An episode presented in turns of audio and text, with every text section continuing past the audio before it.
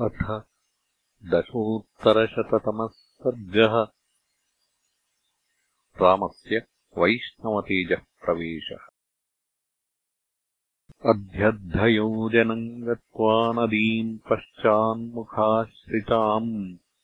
सरयूम् पुण्यसलिलाम् ददर्श रघुनन्दनः ताम् नदीम् आकुलावर्ताम् सर्वत्रानुसरन् नृपः। आगतः सप्रजो रामः तम् देशम् रघुनन्दनः। अथ तस्मिन्मुहूर्ते तु ब्रह्मा लोकपितामहः सर्वैः परिवृतो देवैः ऋषिभिश्च महात्मभिः आययौ यत्र काकुत्स्थः स्वर्गाय समुपस्थितः विमानशतकोटीभिः दिव्याभिरभिसंवृतः। दिव्यतेजोवृतम् व्योम ज्योतिर्भूतम् अनुत्तमम्। स्वयम् प्रभैः स्वतेजूभिः स्वर्गिभिः पुण्यकर्मभिः पुण्यावातावौश्चैव गन्धवन्तः सुखप्रदाः पपातपुष्पवृष्टिश्च देवैर्मुक्तामहौघवत्। तस्मिन् स्तूर्यशतैः कीर्णे गन्धर्वाप्सरसङ्कुले सरयूसलिलम् रामः पद्भ्याम् समुपचक्रमे ततः पितामहो वाणीम् अन्तरिक्षादभाषत। आगच्छ विष्णो भद्रन्ते दिष्ट्या प्राप्तोऽसि राघव।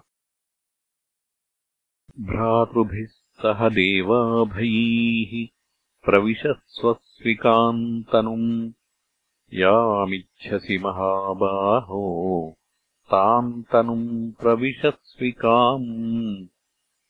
वैष्णवीम् ताम् महातेजः तद्वाकाशम् सनातनम्।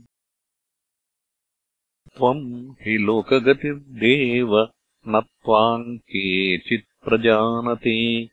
ऋते मायाम् विशालाक्षीम् तव पूर्वपरिग्रहाम् त्वामचिन्त्यम् महद्भूतम् क्षयम् सर्वसङ्ग्रहम् यामिच्छसि महातेजः ताम् तनुम् प्रविशस्वयम् पितामहवचः श्रुत्वा विनिश्चित्य महामतिः विवेशवैष्णवन्तेजः सशरीरः ततो विष्णुमयम् देवम् पूजयन्ति स्म देवताः। साध्या मरुद्गणाश्चैव सेन्द्रास्ताग्निपुरोगमाः।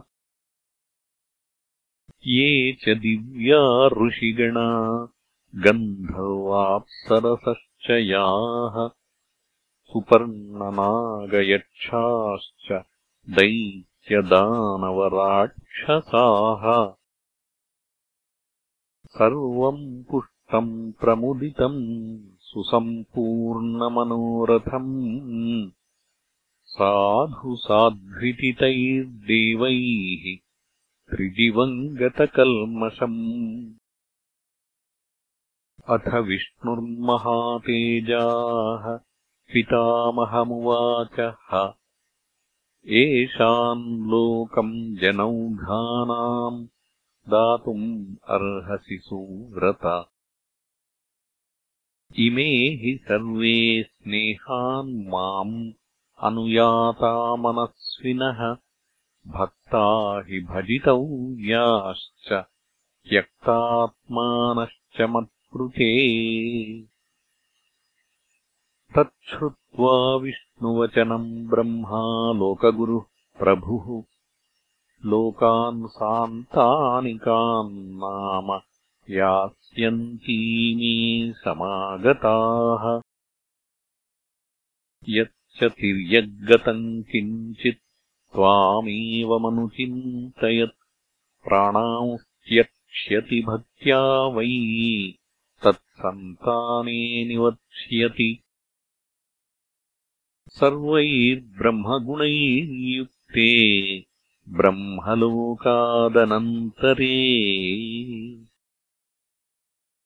वानराश्च स्विकाम् योनिम् वृक्षाश्चैव तथा ययुः। येभ्यो विनिःसृताः सर्वे सुरेभ्यः सुरसम्भवाः तेषु प्रविविशे चैव सुग्रीवः सूर्यमण्डलम् पश्यताम् सर्वदेवानाम् स्वान् पितॄन् प्रतिपेदिरे। तथोक्तवति देवेशे गोप्रतारम् उपागताः।